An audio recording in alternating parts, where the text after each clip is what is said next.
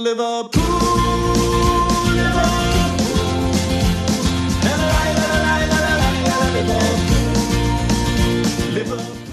Hej och hallå och eh, välkommen! Det är eh, november, det har blivit dags för ett nytt avsnitt av Total Liverpools podd och det är bara dagar kvar till Ja, kanske ett av de eh, ja, viktigaste, en av de viktigaste matcherna för den här Premier League-säsongen som i dagsläget toppas av Liverpool 2 Manchester City.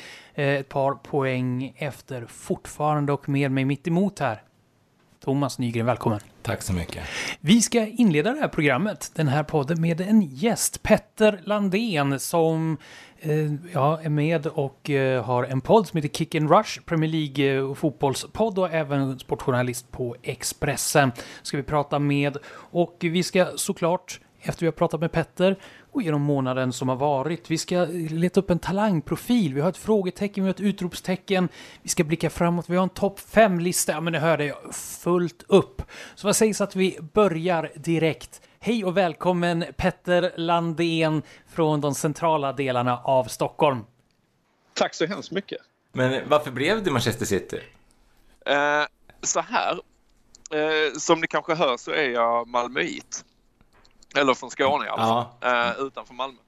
Eh, och i mitt nykläckta fotbollsintresse runt 10 års ålder så eh, eh, satt pappa och tittade på TV och det enda jag såg var liksom ett ljus på ett lag. Eh, jag förstod att MFF var laget man skulle hålla på. Eh, och jag ville väl imponera på pappa lite. Eh, så jag sa helt enkelt så här, jag håller på MFF i den här matchen. För att liksom, ja men visa mig lite på styva, styva linan, visa att jag hade koll och så här. Uh, och jag, pappa, så som jag minns det, det kan vara överdramatiserat i mitt minne, men så vänder sig pappa om och så säger Är du dum eller? Det där är inte MFF, det där är Manchester City.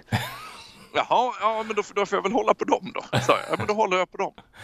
Uh, och uh, då får jag tacka farsan för att han uh, såg till att uppdatera mig hela tiden. Liksom så här, ja har du kollat hur det gick för City i helgen i tidningen? Eh, nej, det har jag inte gjort. Så, så började jag göra det och så, ja, så sakteliga så utvecklades det nästan som att jag bara bestämde mig för någonting eh, och sen så utvecklades det eh, till kärlek på riktigt. Så man skulle väl kunna kalla det ett sånt här eh, lyckligt tvångsgifte som jag tvingar in mig själv i. Lite symptomatiskt hur det funkar för de flesta fans som ändå fastnar för någon form av klubb, vilken det må vara. Du har, kan man säga, till viss del dragit en vinstlott och blivit en ganska framgångsrik era som man ändå fått vara med i, säger han lite bittert. Jaha, jo men eh, eh, jag gissar att ni båda gillar Liverpool och det går ju mm. inte jättedåligt just nu, eller? Nej, det, det kan man inte. Alltså, jag, säga, jag jobbar ju på, i skola och jag fick veckan höra att jag var en medgångssupporter nu som höll på Liverpool. Efter att ha hållit på dem genom 30 svåra år för att vara med om en vinst så blir man kallad för medgångssupporter. vi ska inte glömma Istanbul heller, Nej. så att det har ju inte varit 30 svåra. Nej, det var väl 20... höjd varit 15. 13 svåra då.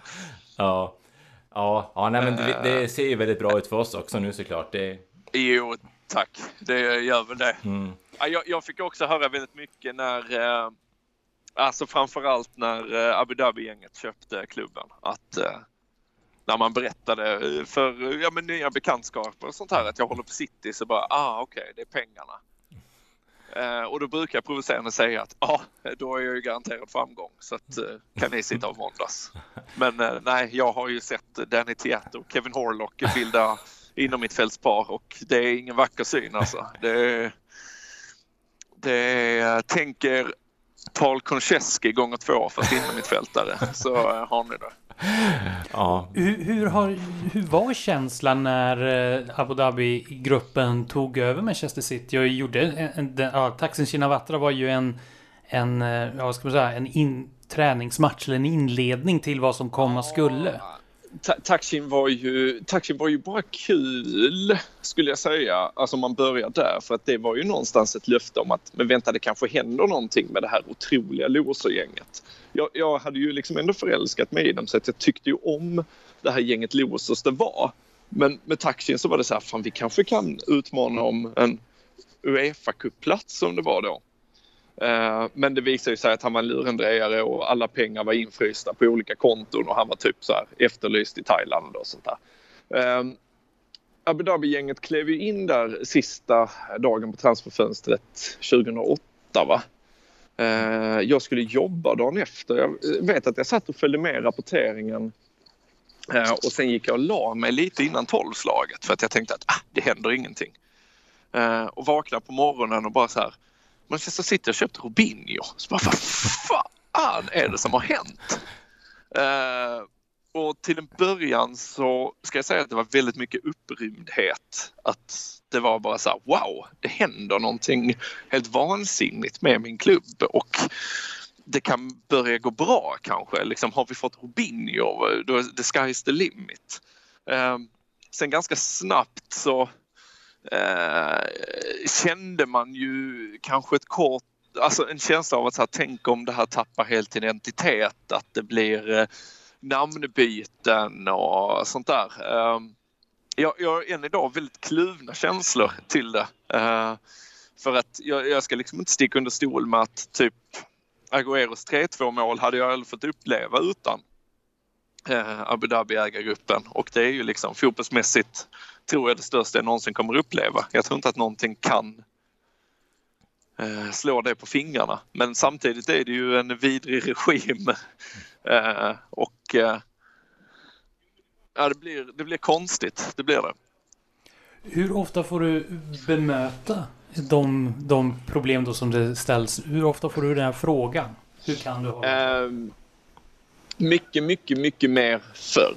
Uh, om vi tittar bara bakåt. Ja, men säg första titelsäsongen 11-12.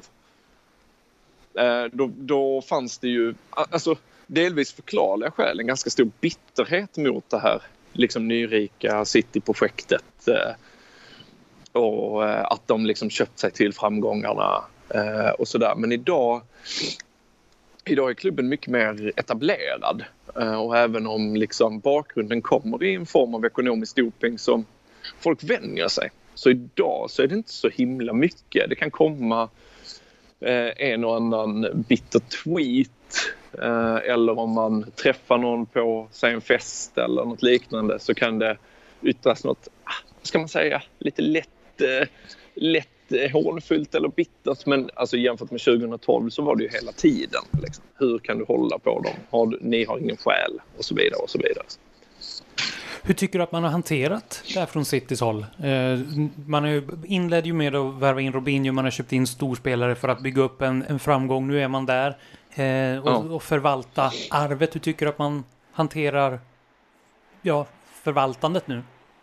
Alltså, Eh, alltså det, det, det, har ju hänt väldigt, väldigt mycket sen eh, på de liksom, 11 åren som de räkt klubben. Alltså från de här eh, big name eh, värvningarna eh, så jobbas det utifrån en extremt eh, intelligent strategi idag. Eh, med Chiqui Bergesan och Ferran Soriano i spetsen så görs det ju otroligt kloka investeringar. Eh, med få undantag. Eh, visst, det har ju gått snett med eh, typer som eh, Mangala och eh, de här. Men samtidigt så svårt att peka på att det skulle vara fel när de gick för Kevin De Bruyne, Raheem Sterling, Amerik Laporte. Liksom. På samma sätt som Liverpool har jobbat de sista åren uh, med att handplocka helt rätt spelare. Inte nödvändigtvis, alltså det är stora namn men inte de största. Virgil van Dijk var ju en respekterad Premier League-försvarare. Precis som att Amerik Laporte var en respekterad La Liga-försvarare. Men hölls inte riktigt liksom på den absoluta toppnivån. Men idag så är det ju få som skulle argumentera emot att van Dijk är bäst på sin position i hela världen och att Kevin De Bruyne är lika så på sin. Um, och samtidigt så, så, vet man ju att det investeras ganska tungt i akademier från båda klubbarna. Uh, det byggs för framtiden, både i City och Liverpool. Uh, om man ska ta dem som exempel, vilket är rimligt att göra eftersom de är helt ledande uh, i England idag. Eh, jag skulle säga att man, de gör det eh, Ägargruppen har satt rätt folk på rätt platser vilket gör att jag tror att även om deras tunga investeringar skulle upphöra ehm, Lex som man har sett eh, Abramovic tackla av i Chelsea så, skulle, så står City extremt väl rustat för att vara en storklubb i många, många år framöver. Jag tänker, det känns inte som någon slump att eh, spelare som Alexis Sanchez och Harry Maguire hamnar i United istället för City som det har ryktats mycket om. Det känns som att det finns en, en smarthet runt Citys värvningar som eh, gör att det kommer funka även på sikt. Ja, men det gjorde det ju inte förr. Det ska man ju vara helt öppen med att säga. Alltså så här att, att Pep vill ha Alexis, det finns ju inga tvivel om. Alltså det är ju 100% sant. Eh, men sen ville Alexis ha eh, pengar som City inte var beredda att betala. Och då valde ju klubben att gå därifrån och det är väl liksom egentligen det största tecknet på någon slags eh, faktiskt storklubbsmentalitet att det är så här, ja passar det inte då har vi andra alternativ och det var ju verkligen att undvika en kula. Jag, jag, ska säga att jag, trots att det är United, vi ska inte vara riktigt, alltså så här, det är klart att Harry Maguire inte är värd 80 mm. miljoner pund. Men det är inte en så dålig värvning som Alexis var, det kommer det inte vara heller. Han är, han är, han är inte jätte så bra men han mm. ingår också i ett extremt ofungerande lag. Um, med lite mer harmoni och ett faktiskt mittfält som täcker upp för honom så tror jag att han hade kunnat göra det ganska bra i ett United-försvar. Mm. Vill jag säga. Ja, han har ju gjort United till ett bättre lag i alla fall än vad de var tidigare. Det, det får jo, man väl säga. Jo. Jo, men det är också så. Han slogs med Marcus Rojo, Chris Marling och eh, Phil Jones som den andra platsen. Så att även, ja. även jag och typ två koner hade säkert gjort det eh, bättre. Ja. Eh, om man tittar på Citys lag i år nu då, hur skulle du säga att det står sig jämfört med tidigare års lag? Alltså tittar du bara på ren kompetens i spelartruppen så är de ju precis lika bra eh, egentligen. Och, om inte Eh, bättre. Jag tycker inte att man ser ålderstecken i Agüero. Ehm, det är möjligt att man, man har tappat lite i David Silva. Det är inte riktigt samma David Silva som det var för ett par år sedan. Ehm, det är egentligen en trupp som har kompetensen, grundkompetensen att göra ytterligare en sån här helt sinnessjuk säsong där man är uppe och når eller touchar 100 poäng. Ehm, men en oförmåga att ersätta Vincent Kompani kombinerat med skadan på Amerik Laporte gör i grund att Citys försvar är på tok för ihåligt eh, för att nå de höjderna i år. Hur viktig eh, är eh, Laporte för City? Alltså det tycker jag att vi har fått se prov på. Eh, att spelet... Att, att, att, han är så essentiell nu, framförallt sen kompani försvann. Eh, alltså jag tror att man underskattar... Alltså kompani som spelare de sista åren var kanske inte eh, den liksom maktfaktorn han var, eh, säg 2012 och även 2014 när de tog eh, titlarna. Eh, men han, han gav en grundtrygghet som eh, gjorde att Pep vågade spela ut. Eh, det tycker jag att sen Laporte försvann, för att Laporte var ju liksom den givna ersättaren, den givna försvarsgeneralen, den som skulle sätta och trygga hela försvarsspelet. Utan honom har de ingen sån. Eh, och det tycker jag har lett eh, alltså gett synbara konsekvenser även i det offensiva spelet för att Pep vågar liksom inte släppa loss laget som han gjort de tidigare två säsongerna. Och det, det, blir liksom, det blir så mellanmjölkigt att det blir dåligt på båda håll. För att de vågar inte anfalla fullt ut och kan inte heller försvara eh, så som de kan med Laporte på plan eller under med kompani. Där det fanns ett en swagger, liksom ett, ett mod att göra det. Eh, så i tappet med Laporte och oförmågan eh, att ersätta eh, Vincent Kompani. Eh, det går inte längre att hoppas på John Stones. Eh, den kroppen är alldeles för ömtålig även om det finns ett stort fotbollskunnande. Eh, faktiskt en ganska duglig försvarare där bakom. Så han är ömtåligare än vad Kompani var. Det är inte, det är inte så illa det. Jag tänker, den här försvarsskadorna som ni har haft har gjort att Fernandinho har fått spela i backlinjen en del. Och mm. som, som Liverpool-supporter så hatar, hatar man ju att se Fernandinho som motståndare på mittfältet eftersom man har en tendens att eh, förstöra det mesta som man, som man vill få fram i anfallsväg. Ja, det är tråkigt den här Liverpool-konspirationen med tactical fouls, den finns ju inte. han är han är en fantastisk mittfältare att spela mot. Eh, hur, hur, ser du på hans roll? Skulle du föredra att man kanske körde en lite svagare backlinje för att få upp honom på mittfältet? Eller vill du hellre att man har honom i backlinjen för att säkra upp där bak? Det är ju det är en jättesvår fråga eh, det där för att det blir på något konstigt sätt en pest eller kolera situation. Eh, så här är det, Fernandinho är en defensiv mittfältare. När han är som bäst kanske en av världens bästa. Eh, otrolig löpkapacitet, helt fantastiskt på att täcka stora ytor. Eh, och ganska hygglig passningsfot. Eh, men eh, som mittback så är han eh, i nuläget skulle jag nästan säga det bästa alternativet. För han är en väldigt skicklig försvarsspelare. Något för aggressiv kanske. Eh, han skulle behöva någon som eh, han skulle behöva lugna sig lite i sitt pressspel eh, som mittback. Eh, men samtidigt, Rodri kommer komma in i det. Det är jag ganska övertygad om, men han är inte där. Inte än. Jag tror att han behöver en hel säsong för att helt akklimatisera sig. Eh, det går lite för långsamt med bollen ibland. Eh, det är lite fortfarande i liksom tempo som behöver drivas upp. Eh, jag skulle gärna se egentligen nästan tvärtom. Om jag hade fått välja sett Rodri i backlinjen och låt hans tyngd och styrka eh, och längd vara en faktor där och spela Fernandinho på mitten. Det skulle jag vilja se, se mot Liverpool till exempel. Mm. Hur, eh, hur är skadeläget ungefär här? För Rodri har väl varit småskadad också? va? Ja, förhoppningen är att han ska vara spelbar.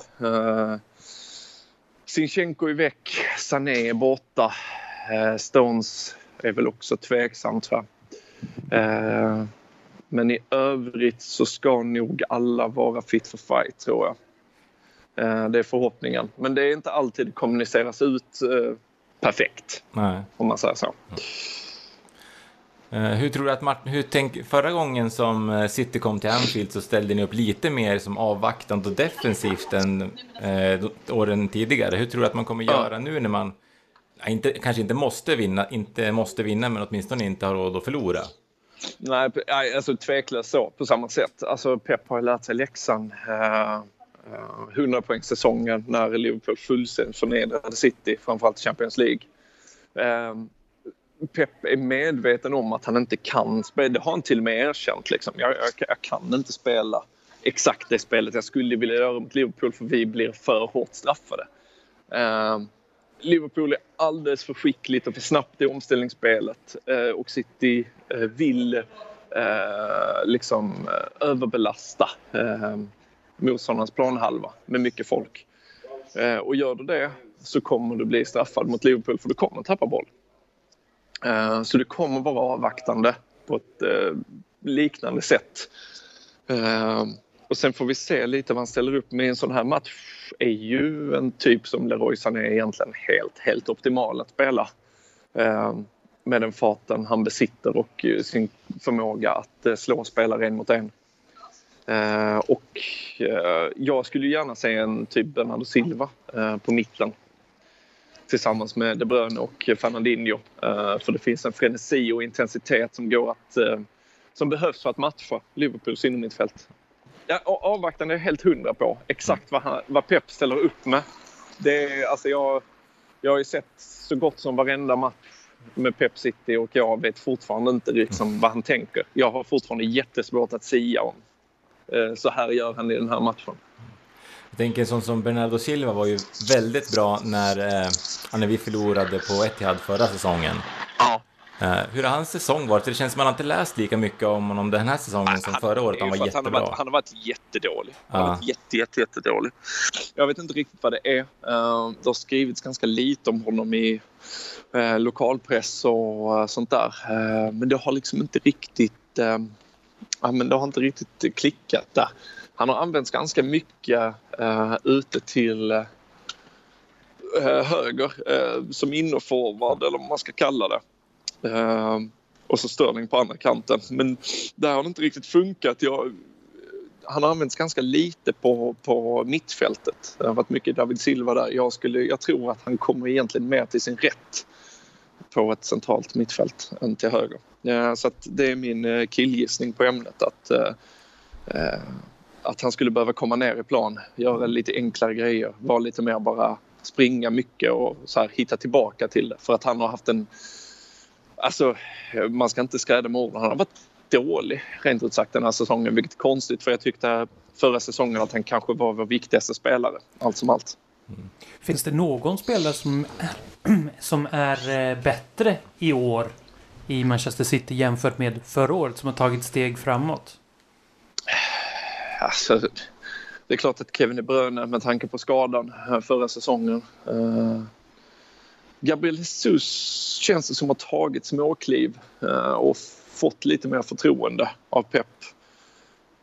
I övrigt, nej. I övrigt så är det ganska mycket försvagning om man jämför med de inledande tio matcherna förra året skulle jag säga. Varför då? Ja, säg det. Alltså, min, min teori har hela tiden varit att eh, den eh, Eh, defensiva instabiliteten, att eh, Pep inte har en eh, försvarare av världsklass han litar på gör att han inte liksom har släppt loss laget offensivt heller.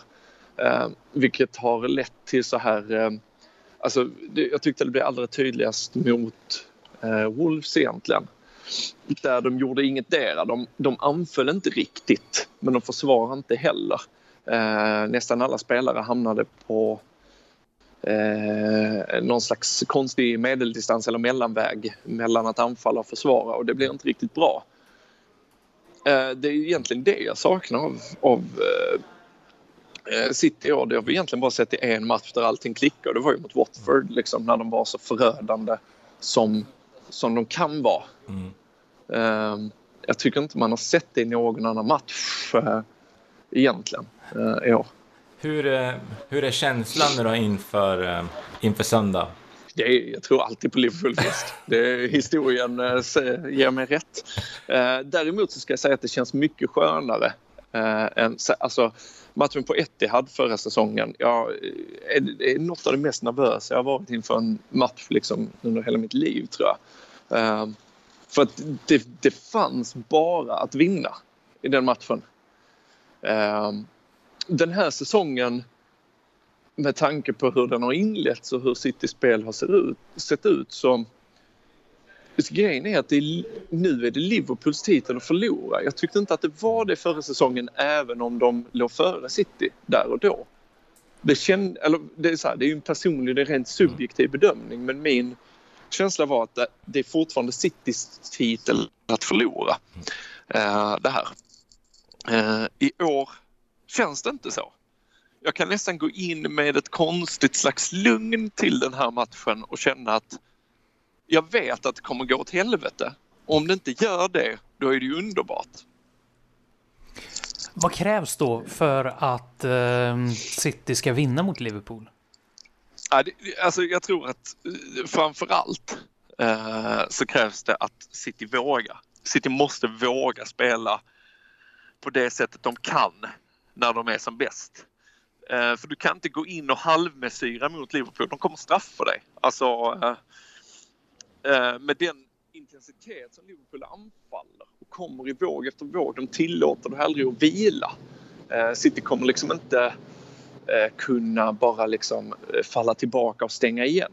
Liverpool är inte ett lag som eh, tappar på det utan de verkar oavsett hur djupt försvararna står, eh, står har liksom en, en, en tro på det och eh, ett sätt att hitta igenom. Utan jag tror att det handlar om att City måste tvinga Liverpool att försvara. De måste tvinga Liverpool att tänka försvar. Eh, för att annars så kommer deras offensiv att straffa Liverpools, eller Citys ganska svaga defensiv. Så det krävs, skulle jag säga, helt klart att man vågar gå för det. Eh, för går de in med tveksamhet själv, då kommer det gå åt helvete. Hur ska du se matchen? Jag ska faktiskt jobba, eh, så jag ska se den på jobbet. Vilket nästan är lite skönt för att då kan jag inte bete mig hur som helst utan då måste jag upprätthålla ett visst mått av professionalitet. Eh, vilket jag ska erkänna i det här när kompani dunkar in 1-0 mot Leicester i näst sista matchen. Jag jobbade den dagen också. Eh, då var det noll professionalitet från min sida. Eh, jag kastade, skick, jag kastade iväg stolar och sånt. Det är jättepinsamt i efterhand men jag, jag blev helt tokig. Ja, eh, men i, i, också, i helgen så hoppas jag kunna hålla mig eh, ja, lite mer civiliserad faktiskt. Ja. Innan vi släpper iväg dig då Petter Center får du ja. avlägga ett eh, tips. Hur slutar matchen? Ja. Eh, matchen slutar 3-1 eh, till Liverpool. Och så håller vi alla tummar för att du är en bra tippare. Jag är usel. Eh, jag är jättejättedålig. Men eh, jag, just i det här fallet tror jag att jag har rätt. Jag tror att det är ett anti-jinx-tips det där. Ja. ja, ingen kommentar på den. ja, stort tack för att du tog dig tid i alla fall. Ska du få återgå Självklart. till födelsedagsfesten. Tack så jättemycket för att ni ville ha med mig killar. Tack så mycket Petter Landén för det och så går vi vidare i programmet. Vi har en hel del att fortfarande avhandla. Ja, vi ska blicka tillbaka på månaden som har varit. Vi ska göra en Var här nu, en talangprofil och en topp 5-lista och blicka framåt. Så här. Ja, vi kör igång. Det är någon som har saknats under den här eh, tiden av podden. Per Kvist, hej och hallå, hur är läget? Jo, det är bara bra. Jag hade ju lite strul med tåget på vägen hem från jobbet och man har ju alltid tajt med tid på vardagar. Men nu är jag äntligen hemma och kan vara med i podden. Ja, då är du hemskt välkommen och Thomas, du är fortfarande kvar med mig. Eller hur? Jajamensan. Ja, men så hör, så nu är vi fulltaliga återigen och det har ju spelats en eh, jäkla massa fotboll den här senaste månaden. Kan räkna ut att det har spelats, nu ska jag säga, jag har papper och penna framför mig. Man spelar mot United, man spelar mot Genk, man spelar mot Tottenham Hotspurs, man spelar mot Arsenal, Aston Villa och Genk igen. Det har gått ganska bra får man väl ändå säga. Enda plumpen i protokollet är väl egentligen matchen mot United. Hur skulle ni vilja sammanfatta den här månaden som har varit? Eh, ja, alltså man kan väl säga att det är svårt att klaga på resultaten. Vi har tagit oss vidare i kuppen. Vi har eh, två raka segrar i Champions League och vi har eh, nästan gått rent i ligan. Det är den här plumpen mot mot United på Old Trafford och när man ser 1-1 mot eh, United som en plump är tecken på att det är en ganska bra säsong. Eh, nervös skulle jag sammanfatta den här månaden för det är ju egentligen bara Genk borta som har varit en match där man har kunnat pusta ut. Det har ju varit uddamålssegrar och straff, straffläggningar och sena avgöranden och ja, det har varit en pers att ta sig igenom den senaste månaden men när det, när det slutar med nästan idel segrar så ja, då är man ju nöjd såklart. Ja, Per, eller vad tycker du då? Resultaten har varit 1-1 mot United, 4-1 mot Genk, 2-1 mot Spurs, 5-5 mot Arsenal, vunnit på straffar i kuppen 2-1 mot Villa och nu senast 2-1 mot eh, belgiska Genk. Hur skulle du vilja sammanfatta den här månaden? Jag tycker ju att det har ju ändå varit en fantastisk månad. Vi har ju tagit seger på seger och verkligen byggt upp en vinnarmentalitet i laget. För det känns ju nästan som att även när vi kommer in i minut 85, 86, 87 och Liverpool inte leder så känns det ju som att man kommer förmodligen att vinna ändå. Och det är ju som Thomas säger, den här United-matchen är ju en plump i protokollet. Det hade ju varit kul att delta mer nu när ja, de flesta håller på att försöka spela ner United i the Championship. Men de klarade ju ett kryss mot oss och det får ju de vara väldigt nöjda med. Men vi var väldigt missnöjda med. Eh, jag tänkte på just det du säger om vinnarmentaliteten. Eh, nu när vi spelar mot Aston Villa här inne, låg ändå under med 1-0 fram till 87 minuten. När Andrew Robertson kvitterar där, det är bara några minuter kvar. Hans målfirande är att han, han fortsätter i stort sett löpningen från nicken tillbaka till egen planhalv och vinkar med sig spelarna han lägger inte en tiondel på att fira målet som tar, liksom, som tar tid ifrån matchen, utan det är helt uppenbart att det enda han tänker på när han har kvitterat med tre minuter kvar, det är att vi ska fan mig göra ett till. Och det säger ändå någonting om attityden i det här laget, att eh, det finns en enorm tro på att vinna matcherna och det, det är rätt häftigt, för eh, när vi låg under i 87 minuten, då var man ju själv ganska bedrövad. Men de här spelarna har en enorm förmåga att hitta vägar tillbaka in i matcherna. Ja, det har verkligen varit så. Man, eh, eh, underläge mot Aston Villa. Vinner med 2-1. Underläge mot Tottenham. Vinner också med eh, 2-1. Men under de här senaste tiden så har ju ändå Liverpool fått en del kritik emot sig. Det har riktats framförallt tycker jag att det har varit eh, lite kritik mot eh, Virgil van Dijk att han inte uppnått eh, Ja, nu ska man inte säga gammal god form, men, men formen som man hade från förra året. Håller ni med i den kritiken, Per? Jag håller väl egentligen inte riktigt med för att jag tycker att van Dijk har ju ändå varit enastående även om han inte har varit perfekt. Men jag förväntar mig väl kanske inte att han ska vara perfekt i precis varenda match under hela säsongen. Så länge laget vinner, van Dijk är enastående och van Dijk är perfekt i de viktiga matcherna, så som mot Manchester City nu i helgen, då tycker jag fortfarande att han är ju världens bästa mittback. Så jag tycker att det är lite orättvis kritik måste jag säga. Men eh, kan det finnas en fog för den kritiken? Nu, nu för att han har varit en av de bästa försvarsspelarna, eh, inte bara i Premier League utan i världen, men att, att han börjar tro på den myten och kanske då trappa ner lite? Det där är ju, det är ju svårt att säga utan att känna van Dijk, men jag tror väl kanske inte det. Han har ju en lite arrogant och allmänt överlägsen aura runt omkring sig. Men det hade han ju även när han var som bäst och det är ju också en av alla bra grejerna med honom skulle jag säga. Så att jag tror väl kanske inte det sett till vad vi har sett hittills. Ja, det, man kan det jag har tänkt på liksom försvarsmässigt är just kanske i fasta situationer till exempel och även under matcherna så ligger vi lite högre än vad vi gjorde förra säsongen så det blir vi blir mer sårbara om de har med en bra leverans in bakom våran backlinje. Där har vi åkt på några onödiga baklängesmål kan jag tycka. Samtidigt så är det ju så att eh, vi har ju också haft ganska mycket rotation defensivt. Allison har ju nyss kommit tillbaka från skada. Matip är skadad nu, så det har ju varit lite hattande där bak som kanske har bidragit till att det känns lite svajigare än, eh, än vad det gjorde förra säsongen. Och någonstans är det väl ändå så att eh, det är ju van Dijk som är konstanten i våran defensiv och eh, vi har fortfarande, vi har tio, rak, vi har tio segrar, en oavgjord, tre segrar, en förlust i Champions League. Det är, ja, det är, svårt, att, det är svårt att klaga egentligen, men det är klart, van Dijk, i vissa matcher så, så känns det som att han gör det han behöver.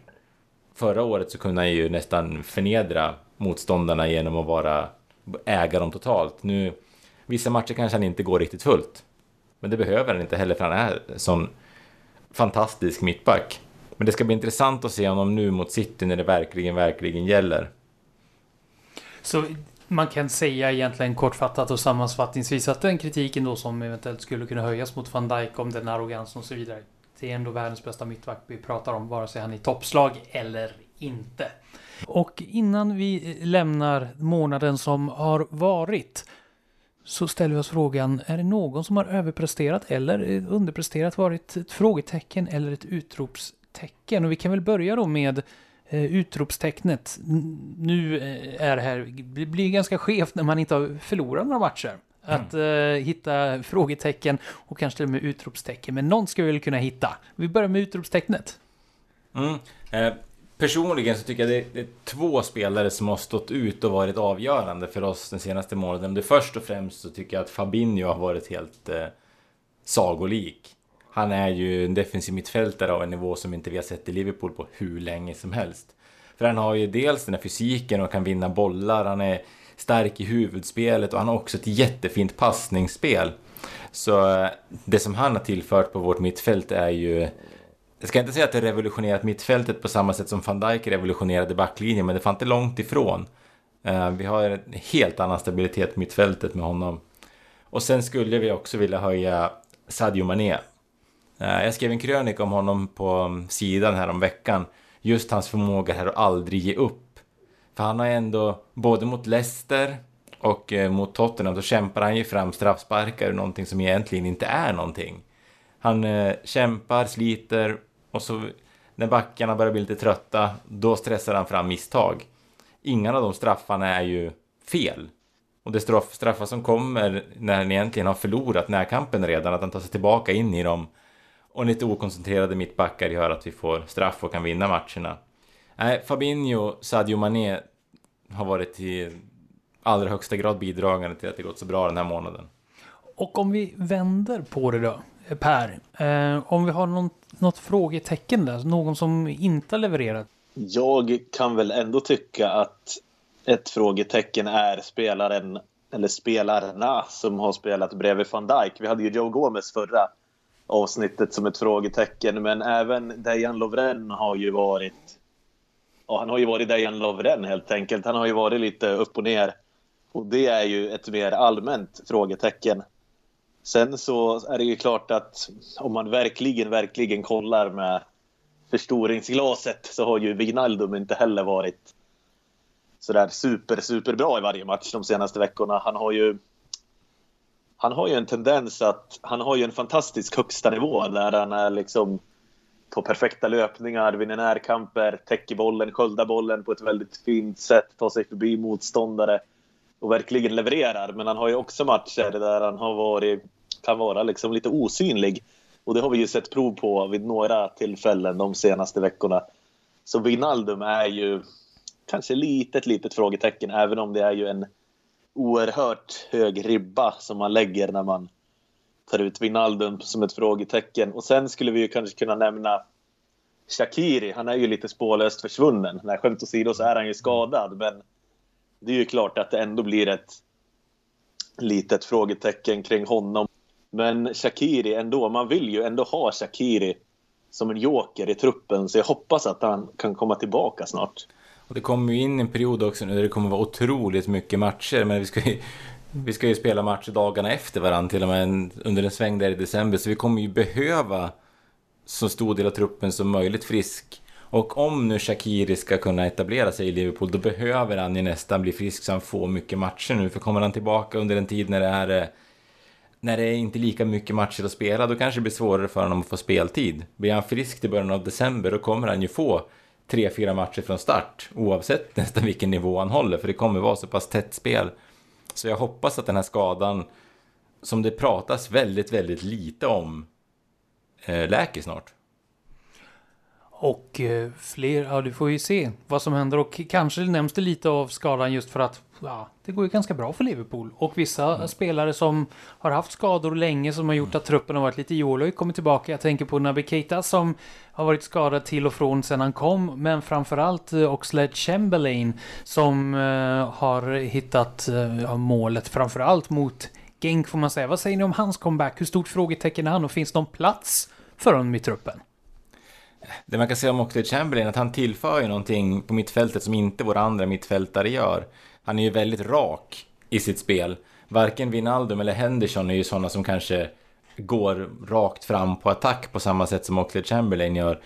Han har ju också ett distansskott som ingen av de andra är i närheten utav. Han har väl redan gjort, vad är det, fyra mål fast han i stort sett nyss har blivit skadefri. Och det får väl, det har, fick ju inte Henderson ihop på hela förra säsongen. Och Wijnaldum var väl där någonstans.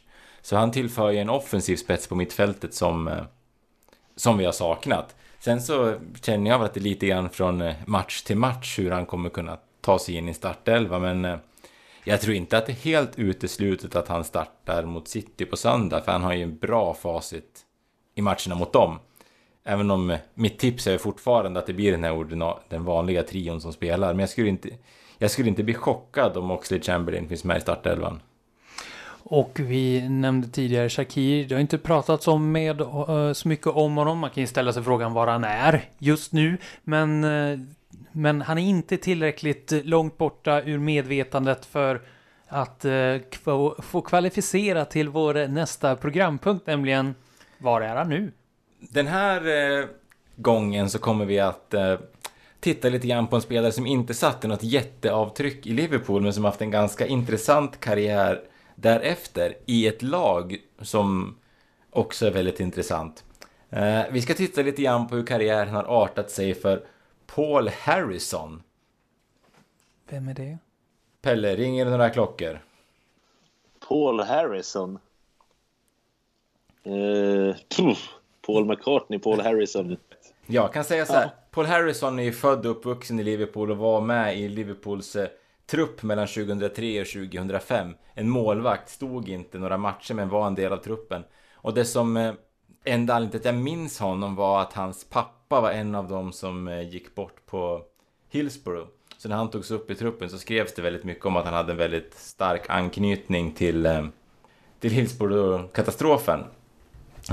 Men eh, som fotbollsspelare i Liverpool så blev karriären ganska kort. Han var där mellan 2003-2005. Lämnade på lån till Leeds 2005. Fortsatte till Wolverhampton. Var kvar i Wolverhampton utan att spela. Hamnade i Chester, Hereford, Southport. Innan han 2007 hamnade i den klubb som han är nu. En klubb som eh, stoltserar med flera raka mästerskap. Där Paul Harrison har blivit något av en klubblegend. Um, och klubben heter The New Saints. Ringer fortfarande inte någon klocka. Nej, det kommer till... Den här klubben har faktiskt en Liverpool-anknytning. Eh, The New Saints är en eh, ganska ny klubb egentligen. Den eh, bildades på 50-talet och hette från början... Nu ska vi se så jag säger rätt här. Den hette Lansant Freid FC och bildades i, sam i en utkanten av en by i Wales. Och eh, det gick ganska bra för den här genom amatörfotbollen som det började som och fortsatte upp eh, så att man tog sig upp i högsta ligan. 1996 så var det ett företag som eh, köpte upp den här klubben som då hette Landsant Freid alltså den köptes upp utav ett företag som heter Total Network Solutions. Och eh, det är här som Liverpool-kopplingen kommer in till laget. Eh, 2005 vann ju Liverpool som bekant Champions League i Istanbul. Och på den tiden så var det inte garanterat att man skulle få spela Champions League trots att man var vinnare. Och eftersom Liverpool kom femma i ligan det året så fick man inte spela Champions League. Och då blev det diskussioner, liksom, det är väl inte rimligt att regerande mästaren inte ska få vara med. Då var det ett lag i Wales som tänkte till. Total Network Solutions. De hörde av sig till Liverpool och så sa de att de kunde tänka sig att spela en match mot Liverpool och sätta sin eh, Champions League-plats på spel. För de skulle ju få kliva in i första kvalomgången till Champions League som regerande mästare i Wales. Och då erbjöd de sig att spela en match mot Liverpool. För, för de räknade såklart med att de inte skulle gå till Champions League, så det här skulle vara en fantastisk match för dem att spela. Och efter lite diskussioner med eh, Uefa så gick man med på det här att Liverpool fick kliva in i den första kvalomgången och spela mot Total Network Solutions. Eh, 2006-2007. Eh, det var faktiskt, eh, det var säsongens första tävlingsmatch såklart eftersom det var, det var ju svintidigt. Så bland annat gjorde Pepe Reina sin debut mot Total Network Solutions.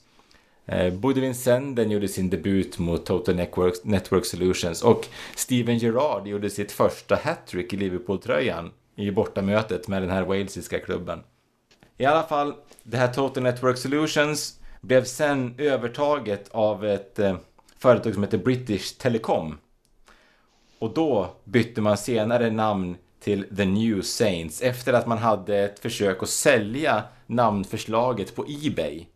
Det fanns alltså ute på Ebay att man skulle kunna betala pengar för att få döpa det här laget. Men till slut så blev det i alla fall The New Saints. Och där hamnade Paul Harrison. Och han har alltså blivit en legend i den här föreningen. Han eh, har stått i mer än 190 raka matcher. Sen han kom 2007 så har han varit vunnit 14 troféer. Där är det bland annat sex stycken walesiska Premier League-titlar i rad. Han har också vunnit walesiska kuppen fyra gånger för det här laget, The New Saints. Och eh, ja, det är såklart, det är ingen superkarriär som Paul Harrison har fått, men det var ganska intressant att se att han hade hamnat i en klubb som ändå när de, Liverpool mötte Total Network Solutions minns jag ganska väl, för det var så ett otroligt konstigt namn på en klubb. Så, och nu det. har vi historien bakom det. Mm. Och det är ändå, var är han nu? Paul Harrison, han är en klubblegend. Det, det, det är han, även om det kanske är i en klubb som Liverpool förhoppningsvis inte ska stöta på så många gånger till. Men det ska säga, alltså eloge till Liverpool och se vilken startelva man ställde upp med i den här matchen mot ett lag som de är amatörer i stort sett. Men det var alltså Pepe Reina, Steve Finnan, Sami Hyppie, Jamie Carragher, John Arne Riise, Steven Warnock, Steven Gerrard, Anthony Letallek, ja. Xabi Alonso, Fernando Morientes och Darren Potter ställde man upp med borta mot Total Network Solutions. Det visar att man verkligen ville spela Champions League. Man tog inga risker. Det gjorde man verkligen inte. Innan vi går vidare har jag faktiskt ett scoop, kanske jag att ta i, men i alla fall en stor nyhet. För eh, det gick ju ganska trögt för Biskan i Rijeka sist som vi eh, hörde av honom. Faktum är att han har avgått. Nej, va? va? Varför då? Igor Biskan eh, lämnade Rijeka i, faktiskt i slutet på september. Och eh, det gjorde han för att han inte var nöjd med helt enkelt med hur klubben fungerade. Så han eh, hoppade av. Så han finns tillgänglig på marknaden? Det skulle man ju kunna tro, men en sån, ett sånt namn är ju inte tillgängligt speciellt länge. Aj, aj, aj, Arsenal eller eh, Newcastle, ni får vänta. Ja, för eh, inte alls långt efter att han hade avgått från Rijeka så fick han ett nytt jobb. Och numer så är det Igor Biskan som eh, lotsar Kroatiens U21-landslag. Ja. Så han tog över efter eh, Nenad Gracan eh, som eh, förbundskapten för Kroatiens U21-landslag. Så nu är han alltså där vi förutspådde, förbundskapten, även om han inte är på den absoluta toppen. han har väl bättre meriter än Ole Gunnar hade när han tog över United. Ja, det, det är få som kan stoltsera med en ligatitel och förbundskaptenskap efter bara några år som tränare. Mm. Ja, vi följer Igor Biskans eh, förehavanden här i Total Liverpools podd. U21-kapten, då har han en hel del talanger till förfogande. Eh, talangprofilen Per, ha, hur ser den också i det kroatiska U21-landslaget? Nej, faktiskt inte i något U21-landslag alls, utan i ett A-landslag. Och det är ju självaste Lasse Lagerbäck som har det här A-landslaget nu för tiden. Jag syftar förstås på Norge som ju har fått fram flera väldigt fina spelare. Vi har ju Ödegård som var väldigt omskriven väldigt tidigt. Vi har ju Håland som sprutar in mål i Champions League och ja, han är ju någon slags supermålmaskin. Men det är ingen av dem som vi ska prata om faktiskt. Det är en mittfältare som väl är den tredje väldigt bra norska talangen. Och jag pratar om Sander Berge, eller Berge, som ju vi, vi har fått se nu på slutet eftersom han spelar i Genk. Så det här är ju en spelare som vi har fått se mot Liverpool i det här Champions League-gruppspelet. Och Sander Berge är ju en av belgiska ligans absolut bästa spelare. Han är bara 21 år gammal, så han är ju verkligen en talang. Han är ju född 1998 och det känns ju... Ja, det känns ju nästan som igår när man satt och kollade på VM 98 faktiskt, om jag ska vara helt ärlig. Så nu känner man sig ju jäkligt gammal. Men den här norska innermittfältaren Berge, han är ju defensiv mittfältare eller central mittfältare. Och som vi har sett i matcherna mot Liverpool bland annat så har han ju väldigt stora kvaliteter. Dels är han ju en väldigt stor spelare. Han är ju 1,95 lång. Och han är ju stark och har en fysik. Men det räcker ju inte här. Det är ju inte basket vi snackar om. Han är ju också väldigt bra med bollen. Och han är ju dels bra på att driva bollen och ta sig förbi spelare och dels har han ju fina fötter. Han är ju en duktig passningsspelare helt enkelt och jag tycker att det här är en jätteintressant spelare och en annan sak som är intressant, eller en annan person som tycker att han är intressant verkar ju vara Jürgen Klopp. Han gick ju nämligen fram och pratade med Berge efter matchen på Anfield häromdagen och ska ha sagt enligt norska medier till Berge att du är en väldigt intressant spelare. Och det är ju förstås smickrande för Berge, vilket han också klargjorde i medierna. Och enligt norska medier så kommer han att lämna Genk i januari. Och man ska vara, han ska vara nära en övergång till någon klubb som dock inte är namngiven än. Men det vi vet är att han, han tar inte vad som helst. Han hade lite erbjudanden från Premier League förra sommaren, nämligen från Sheffield United, nykomlingen, men det tackade han nej till. Och det är väl ganska klokt för att han förefaller ju vara en spelare som åtminstone ska spela i ett mittenlag i Premier League, om inte bättre. Och det passar ju ganska bra. Det passar ju oss ganska bra att prata om just den här spelaren eftersom vi vill ju gärna ha ett alternativ till Fabinho och vi sitter ju med en åldrande Lalana som jag kapade lite eh, för några minuter sedan och Berge skulle ju kunna vara en av de spelarna som är intressant för Liverpool när man talar om nyförvärv. Och det låter onekligen intressant att Klopp också uppenbarligen gillar honom även om Klopp verkar vara en person som gillar många andra personer och spelare. Så är det ju ändå en rolig kuriosa. Men vad, hur, hur stor är den här norske talangen? Är ni paritet med Ödegård och Håland? Det är ju väldigt, en väldigt annan spelartyp. Vi, Håland är ju en maskin, en målmaskin på något sätt. Ödegård är ju en kreativ, spektakulär, offensiv spelare. Så att jag tycker att det är ju ganska svårt att jämföra. Men absolut, om man kollar isolerat på Berge så har han ju verkligen kvaliteter som är intressanta på ett innermittfält. Då kanske i synnerhet i Premier League. Och jag eh, gör också iakttagelsen att Liverpool, även om vi är ett väldigt skickligt lag, så har det också blivit ett storvuxet, fysiskt starkt lag under de senaste åren. Och det är ju en av lagets styrkor. Och Berge kan ju... Ja, han är ju onekligen stor och stark också utöver hans kvalitet med bollen. Så att jag tycker och tror att han skulle passa in bra i Liverpool.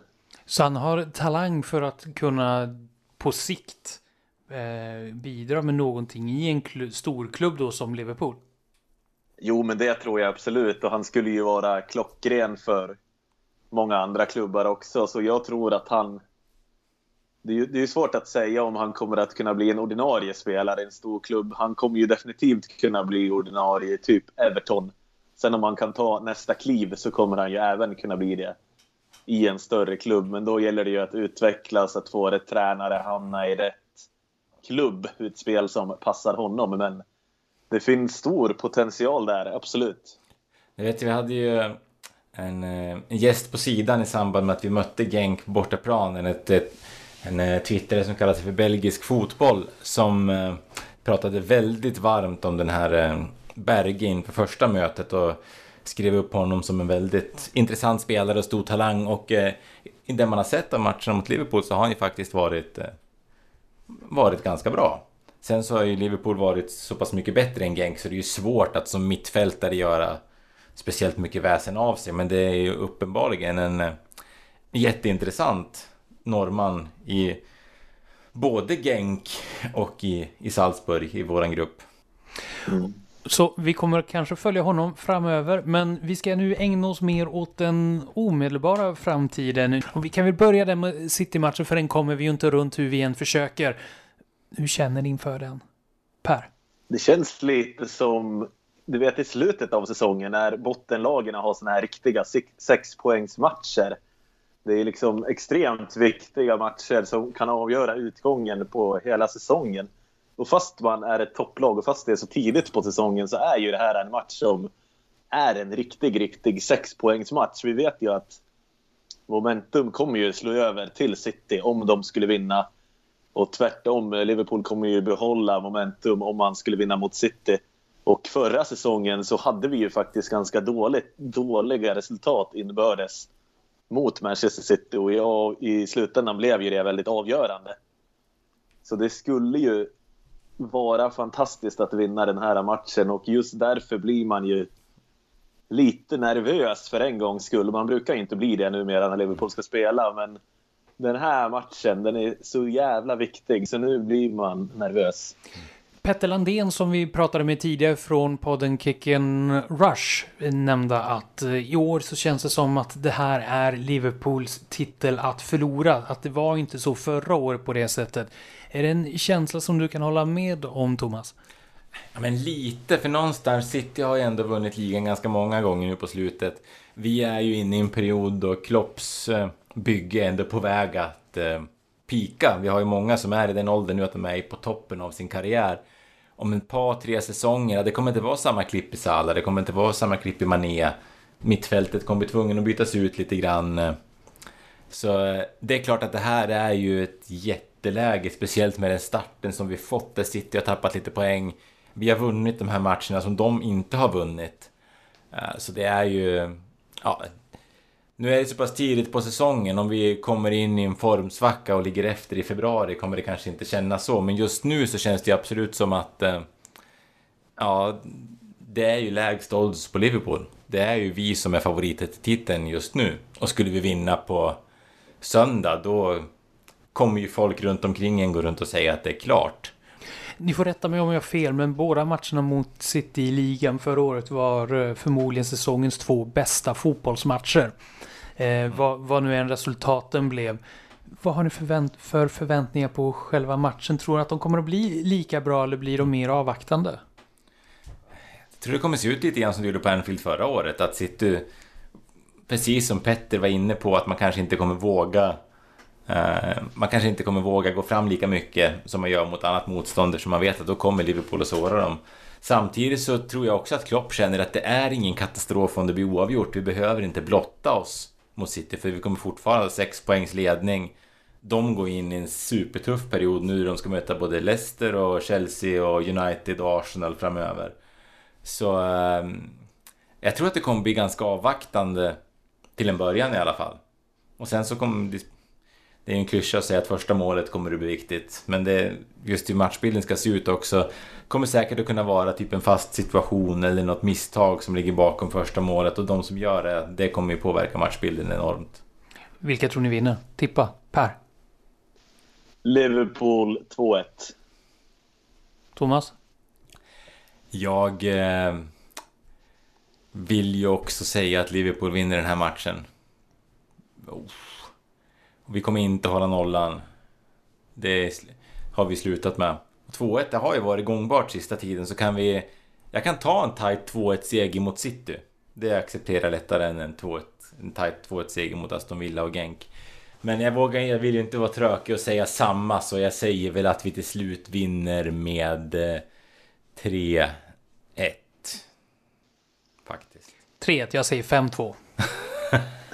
ingen avvaktande inledning. Nej, ingen avvaktande inledning. Jag tror att det här blir fullt ställ. Det blir ett självmål. Otamendi gör ett självmål i uh, första minuten. Om jag ser att Otamendi startar då är jag villig att revidera mitt tips på resultat också. Ehm. jag, tror, jag tror inte heller att det kommer vara avvaktande. Jag tror Liverpool kommer sätta i gasen i botten från början. För det, det är ju det som är det bästa sättet att vinna mot dem på känner jag. Så jag tror att Liverpool kommer försöka få igång publiken. Mm. Robertson kommer ta de här galna presslöpningarna och man kommer verkligen försöka sätta dit dem. Och sen då efter det här spektakulära mötet då mellan Manchester City och Liverpool, då blir det ligalunk igen efter ett eh, landslagsuppehåll. Och då är det verkligen ett helt annat lag man möter. Crystal Palace. Och sen om vi fortsätter då i ligan så är det mot Brighton följt av ett derby mot Everton. Sen blir det Bournemouth i ligan. Va, vad säger ni om, om den kvartetten matcher? Det är ju förlust mot City, tre poäng före. Att då gå in och spela borta mot Crystal Palace kommer ju vara jävligt jobbigt. Eh, för det är ju en, det är en svår bortamatch. Slår vi City, då kommer vi komma med vind i seglen mot Palace. Då tror jag vi kommer köra över dem av bara farten. Brighton hemma, det ska ju inte vara något snack. Det är ju, jag menar, Graham Potter har gjort det bra, men på Anfield så ska han inte ha någonting att göra. Everton hemma ska vi också vinna, även om ett derby är ett derby. Det kan ju sluta lite grann hur som helst. Får vi se vem som tränar Everton när det är dags för det där derbyt också. Bournemouth borta, samma sak där. Det ska vi bara det ska vi bara vinna. Så bara vi avverkat City, fått ett bra resultat där så tror jag att det kommer att se ganska stabilt ut de kommande matcherna. Vad tycker du om spelschemat Per? Är det ett, blir du, ja, känner du någon oro när du ser matcherna framför dig? Det som jag känner lite är väl att om det skulle bli förlust mot Manchester City så det skulle ju vara en oerhört tung mental smäll och då tror jag att man skulle kunna tappa onödiga poäng. Hoppas jag har fel med det, men det känns som att det skulle vara så otroligt tungt att förlora mot dem så att då skulle man liksom kunna komma in i en negativ trend. Sen tänker jag också att den här Champions League-matchen mot Napoli om Liverpool skulle vinna den, då skulle man ju för en gångs skull ha gått vidare från gruppspelet innan den sista matchen. Och med tanke på det hårda spelschemat så skulle det ju vara förbannat praktiskt om det inte var vinna eller försvinna borta mot Salzburg i den sista gruppspelsmatchen i Champions League. Då kanske man skulle kunna vila, ett, eller vila några nyckelspelare. För det känns ju också rent spontant som att borta mot Salzburg kan bli en ganska obehaglig match. För de har ju ingenting att förlora. Duktiga unga spelare och allmänt orädda på något sätt. Så att, ja, Champions League är också lite i fokus för mig där. Mm. Men det låter som eh, på er båda att eh, nyckelmatchen, det som kommer att styra den kommande månaden fram till dess att vi hörs igen nästa gång. Det är ju matchen som är redan nu då den första där mot eh, Manchester City. Eh, så att vi, vi vågar väl inte tippa egentligen hur det går efter den matchen och bara liksom nöja oss med att Går det bra mot City, då ser det ljust ut. Går det inte bra mot City, ja men då blir det lite, kanske inte en brant uppförsbacke, men en mental uppförsbacke i alla fall. Så kanske bra att landslagsuppehållet kommer strax efter City-matchen. Och mm. vad det gäller Champions League, mm, det får vi se. Det känns ändå som att Champions League, rätta mig om jag har fel, är en parentes den här säsongen. Ja, alltså en, skulle vi vinna ligan så kan jag acceptera att vi åker ut i gruppen snudd på Champions League. Nästan kvalet i Champions League. Ja, även om man Även om, inte behöv, kan. även om man inte kan det så hade det varit helt okej. Okay. eh, innan vi slår igen butiken för eh, den här gången så gör vi som vi brukar göra. Vi har en topplista och eh, vi har ju skickat ut eh, eh över Twitter på förslag på topplistan som vi ska gå igenom på vilka som skulle kunna vara på den här topplistan. Eh, Thomas, mm. om vi går igenom den riktiga topplistan innan vi tittar på bubblarna. Ja. Vad är det för någonting som vi ska grotta ner oss i nu? Ja, idag ska vi eh, prata om eh, något så pass eh, kontroversiellt eller som är värt att diskutera som vilka som har varit våra mest överskattade spelare under 2000-talet. Liverpools salta pinnar helt enkelt. Ja. De som antingen fått för mycket cred när de har kommit till klubben eller som kanske har sett så mycket bättre än vad de egentligen har varit när de har varit i Liverpool. Vi har plockat ut en eh, härlig kompott av spelare som på något under sin karriär har haft eh, ett gott rykte fast det kanske inte alltid har varit förtjänt att vara så bra som det är. På plats fem så har vi satt Philippe Coutinho. Det här är ju en spelare som var väldigt bra i sina bästa stunder men som också hade en tendens att falla ur matcherna när han inte var på topp, som kunde vara ganska så klen i de här tuffare matcherna.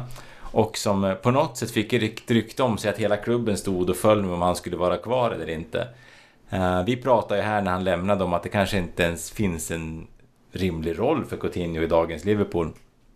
Och eh, det har ju visat sig att tappa Coutinho inte var sån... Det var ju ingen större förlust med tanke på hur man sett hur pengarna investerats. Så inget snack om att Filip Coutinho var en jättebra spelare.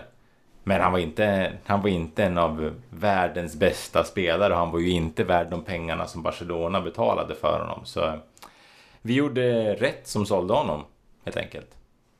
På plats nummer fyra? Ja, på plats nummer fyra så har vi en eh, så har vi en spelare som faktiskt vann skytteligan i ett mästerskap en gång i tiden och därigenom fick någon rykte om sig om att vara en världsklass-striker. Var ju vårat offensiva hot under ganska många år. Var med och vann Champions League. Men var ju aldrig en speciellt bra anfallare egentligen. Och då pratar vi ju såklart om tjecken Milan Baros. Han är... Jag gillade ju Baros när han var i Liverpool. Men han var ju också en otroligt klumpig anfallare. Han kunde ju snubbla bort ganska många lägen. Och man har ju förstått med de anfallarna som vi haft efter att så jävla bra var han nog ändå inte. När vi har fått se Torres och Suarez och Sturridge och Salah och Mané och Firmino, de här som vet hur man förvaltar en målchans. Baros var ju ingen jättebra anfallare egentligen. Vad var han bra på? Springa. Han var det, ja. Men det gick inte så jättesnabbt ändå. Nej, någon, någonting måste han ju ha haft. Men att hans rykte om sig som världsanfallare, det var ju väldigt överdrivet. På plats nummer tre då? Där har vi en mittback som eh, huserar i Premier League fortfarande. Som när han var i Liverpool så tyckte jag alltid att man läste att han är vår bästa mittback. Han ska alltid spela. Det är runt honom vi ska bygga backlinjen. Han är bättre än Lovren. Det är inte tidernas komplimang på den här tiden. Men ändå så var det alltid givet på något sätt att Mamadou Sakho var en fantastisk mittback. Och eh, jag tyckte aldrig man kunde se det här fantastiska i honom. Han var ju en otroligt ojämn mittback. Han eh, kunde göra jättefina brytningar. Det var ju mittback som märktes. Men han, hade ju också, han var ju också... Galen är ett starkt ord, men han var i alla fall instabil.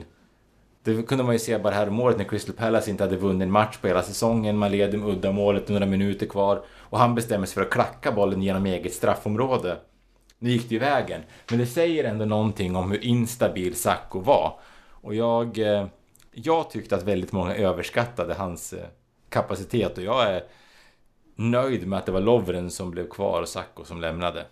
Mm, eh, ja, eh, plats nummer två.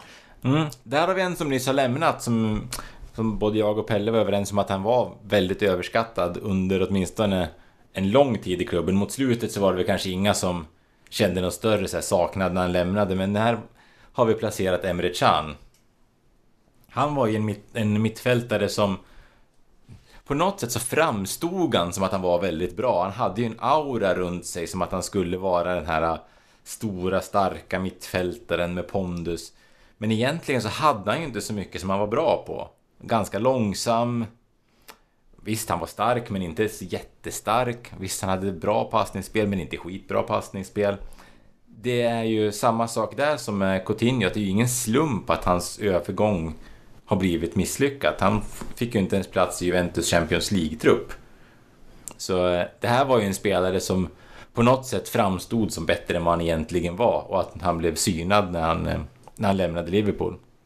Men trots att han inte får plats i eh, Juventus Champions League-trupp och sågs som en viktig spelare men väldigt överskattad så är han inte nummer ett på listan. Vem är nummer ett? Ja, här har vi en spelare som var väldigt överskattad när han kom till Liverpool.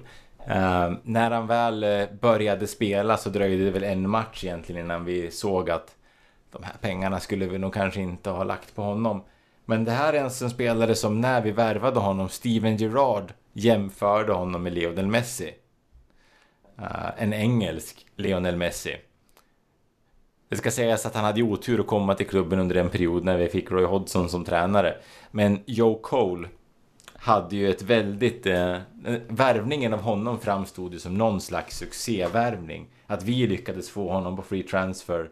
Gerard går ut och säger att ah, men han är som Messi på träningarna. Och sen så var det ju en fullständig katastrof. Första matchen var väl ganska signifikativ för hela, karriär, eh, för hela hans Liverpool-karriär. Eh, en utvisning. Ja, nej, han var ju han var ju så trög när han kom till Liverpool. Han, jag minns att han avgjorde en match mot West Ham, eh, hans första klubb. Men det var väl egentligen det enda spåret han satte. Det var ju en total flopp. Och just det här eh, auran som han kom till klubben med som någon typ av frälsare i en jobbig period får ju en att känna att där hade... Jag vet inte om fansen överskattade honom, men klubbledningen och folket som låg bakom värvningen överskattade honom rejält. Men hur står sig Joe Cole hos våra lyssnare? Det, det, var ju många som hade åsikter om det här faktiskt med, eh, med överskattade spelare. Ja, det första namnet som kom upp var eh, Johan Nilsson som eh, nämner Lukas Leiva. Han må ha kultstatus i klubben men faktum är att han var, är oerhört begränsad i sitt spel. En Lukas-klassiker var när han blev inbytt efter 80 minuter för att försvara en ledning men omedelbart drog på sig en frispark i ett farligt läge. Detta hände inte bara en gång. Man får väl säga att han har en liten poäng där, att det var ju... Lukas kunde ju dra på sig frisparkar lite... Det kan James Milner också. Det kanske är därför som han, Lukas har varit en av mina favoriter. Nej, men det, är klart, det är klart att eh, han har en poäng här i Lukas som fick spela väldigt mycket även under den tiden som han kanske inte var på topp. Daniel Forsberg nämner Coutinho, stundtals magisk, många, men många gånger också Özil passiv och ointresserad. Ganska bra liknelse ändå kan jag tycka när man ser eh, Özil spela som kan vara fantastisk ibland. Mm. Mindre fantastisk Verkligen. i vissa matcher. Även om Coutinho var ju såklart bättre över tid än vad Özil har varit. Våran eh, total Liverpool-kollega Jesper väljer att nämna El Hadji Diouf. Och det är klart, han eh, hade ju också lite för gott rykte när han kom till klubben. Han, hade ju ett jättebra VM bakom sig, även om han inte, hade, även om inte han kunde offside-regeln så var han eh, livsfarlig. Men det blev ju inte så bra. Eh, Johan Blom nämner eh, Aquilani som han tyckte var lagom överskattad när han kom. Och Aquilani har vi varit inne på tidigare. Det var ju han som skulle ersätta Lukas. Ja, där kan vi ju också snacka om en riktig... Han vill jag ha med på topp 5, Aquilani. Ja. Sen har vi Andreas Olsson som nämner, som faktiskt radar upp hela fem namn här. Några med, som man kanske kan häng, hålla med om och några som sticker i ögonen lite grann. Men det är också det en sån här lista handlar om. Han nämner Dietmar Hamann, Steve Finnan, Luis Garcia, Jussi Benayoun och Alvaro Arbeloa. Eh, Luis Garcia tycker jag är ett intressant namn. För det var ju en spelare som likt Coutinho var väldigt, väldigt upp och ner. Han kunde ju springa runt på planen i 90 minuter så funderar man om han var med. Men han kunde också vara en sån som avgjorde. Eh, man kunde byta ut honom efter fem minuter ungefär. Man visste, mm. Efter fem minuter så visste man att det här blir en platt match. Mm. Eller det här är, blir någonting. Och han är också en sån som kanske inte lyckades i så många andra klubbar när han lämnade. Eh, men eh, personligen så håller jag ju både Haman och både Finnen och Arbeloa ganska högt. Men man ser ju olika på det här. Och det är det som är intressant med listor. Johan Engvall nämner han, även han Milan Baros tycker att han borde lägga bra till på en sån lista. Um, så det här var någonting som flera reagerade på. Det här med överskattade spelare är ju intressant att diskutera för det handlar ju också mycket om förvänt antingen förväntningar från fans, förväntningar från tränare. Men eh, vi tycker väl att de fem som vi har på listan är sådana som haft lite för eh, gott rykte för sitt eget bästa. Ja, ja men det kan jag hålla med om. Eh, och eh, det är bara att fortsätta att kommentera den här listan på, på eh, sociala medier helt enkelt. Det börjar på knyt, eh, bli dags att knyta ihop säcken för den här gången. Eh, är det någonting speciellt ni ser fram emot eh, extra mycket? Om vi då bortser från den kommande matchen just i, i dagarna här mot Manchester City. Per? Jo, man ser ju ändå fram emot att se om den här extrema vinnarmentaliteten och förmågan att avgöra sent i matcher kommer att hålla i sig. Också kanske om vi kommer att behöva avgöra på tilläggstid för att vinna. Men det är ju en sån där uh, grej som man kanske inte riktigt har förknippat med Liverpool. Och det skulle ju vara hur trevligt som helst om det var en sån grej som man har satt permanent. För då känns det ju verkligen som att titeln är inom räckhåll. Och en eh, fråga till er båda innan vi stänger igen för idag. När vi hörs igen om en dryg månad. Toppar Liverpool fortfarande Premier League? Ja. Ja. Ja, men vad skönt att höra. Eh, och med de orden så tackar vi för idag. Tack så mycket Thomas. Tack själv. Och tack så mycket Per. Tack, tack för att ni var med och tack så mycket till dig som lyssnar. Vi hörs igen om en dryg månad. Fram till dess, ha det så fantastiskt bra. Hej då! Liverpool, Liverpool.